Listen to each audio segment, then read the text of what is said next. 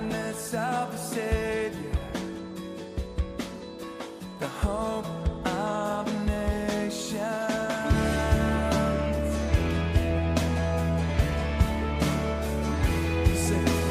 Savior, He can move the mountains.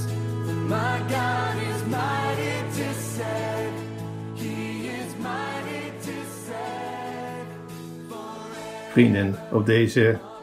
Vierde zondag van de paas alweer, de zondag van de Goede Herder, wil ik eigenlijk niet naar het evangelie, maar de eerste lezing eens bekijken. De handelingen van de apostelen.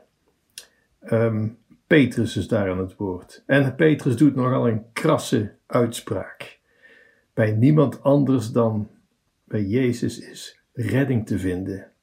Kortom, geen redding door iemand anders is mogelijk. En ja, dat, dat klinkt nogal exclusief.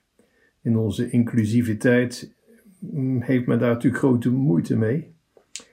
Maar het lijkt erop dat niet-christenen buiten de prijzen vallen als ze naar Petrus luisteren. Alleen zij die geloven in Jezus, het christenen, kunnen gered worden. Ja, wat ervan te denken in onze tijd van inclusief, eh, inclusivisme. Ehm, is het ongemakkelijk? Eh, ja. Is het vreemd? Wellicht ook. Maar la- laten we eerst eens kijken naar de persoon om wie het draait, aan wie we geloof moeten schenken. Het gaat hier om Jezus. En dan zie je al meteen het grote verschil met andere religies. Kijk, bij Jezus, als we ons vragen, zijt gij de zoon Gods?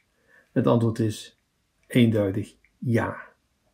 En dat is natuurlijk het grote verschil met stichters van andere religies en filosofieën. Als je zegt er is geen redding te vinden buiten Jezus, ja, dat beweren we inderdaad. Maar wat betekent dat? Vooral omdat het hier om God zelf gaat, dat de volheid van de redding alleen bij Christus te verkrijgen is. De volheid van de redding. Ehm, ja, als dat trouwens niet zo was, dan was Jezus niets anders dan een stichter van een religie, zoals er die wel meer zijn. En vergeet niet dat, dat als het gaat om het boeddhisme, of om de islam, of de Soefi, of met Socrates, als je aan een van hen zou vragen, zijt gij God, dan zou men zeer verontwaardigd zijn.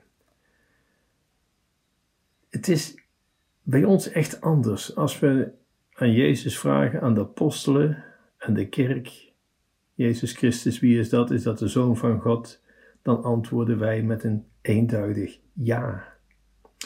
Het, is niet zo dat we met z'n allen dezelfde berg beklimmen. Hè, iedere religie, ieder vanaf een andere kant. En zo komen we allemaal bij dezelfde top uit, oftewel bij dezelfde God. Dat is niet het Bijbelse verhaal. En nogmaals, als je Jezus vraagt, of aan de apostelen, of aan de heiligen, of aan de kerkvaders, Jezus de Zoon van God zelf, God zelf? Het antwoord is een eenduidig ja. De Bijbel kent geen relativisme in de zin van het is allemaal goed, uiteindelijk komt het allemaal op hetzelfde neer. Nee, het is echt wat Petrus zegt in, de handelingen in de eerste lezing van vandaag. Is een exclusieve claim. Redding zoals God het bedoeld heeft, de volle redding, en daar gaat het om, die is alleen bij Jezus te krijgen. En bij Jezus alleen. En voordat u nu meteen afhaakt of een woedeaanval krijgt of allerlei mails gaat sturen naar EWTN, um, probeer er nog e even, even bij te blijven. Is wat Petrus zegt reden tot triomfalisme voor, voor christenen? Hè? Christenen kunnen gered worden en de rest gaat naar de hel. Laten we duidelijk zijn, zo zit het natuurlijk niet in elkaar. Enerzijds, die claim, die is duidelijk. Maar, er is nog iets. Het is in het christelijk geloof bijna nooit het een of het ander. Denk aan, is God barmachtig of rechtvaardig? Ja, beide hebben een plaats.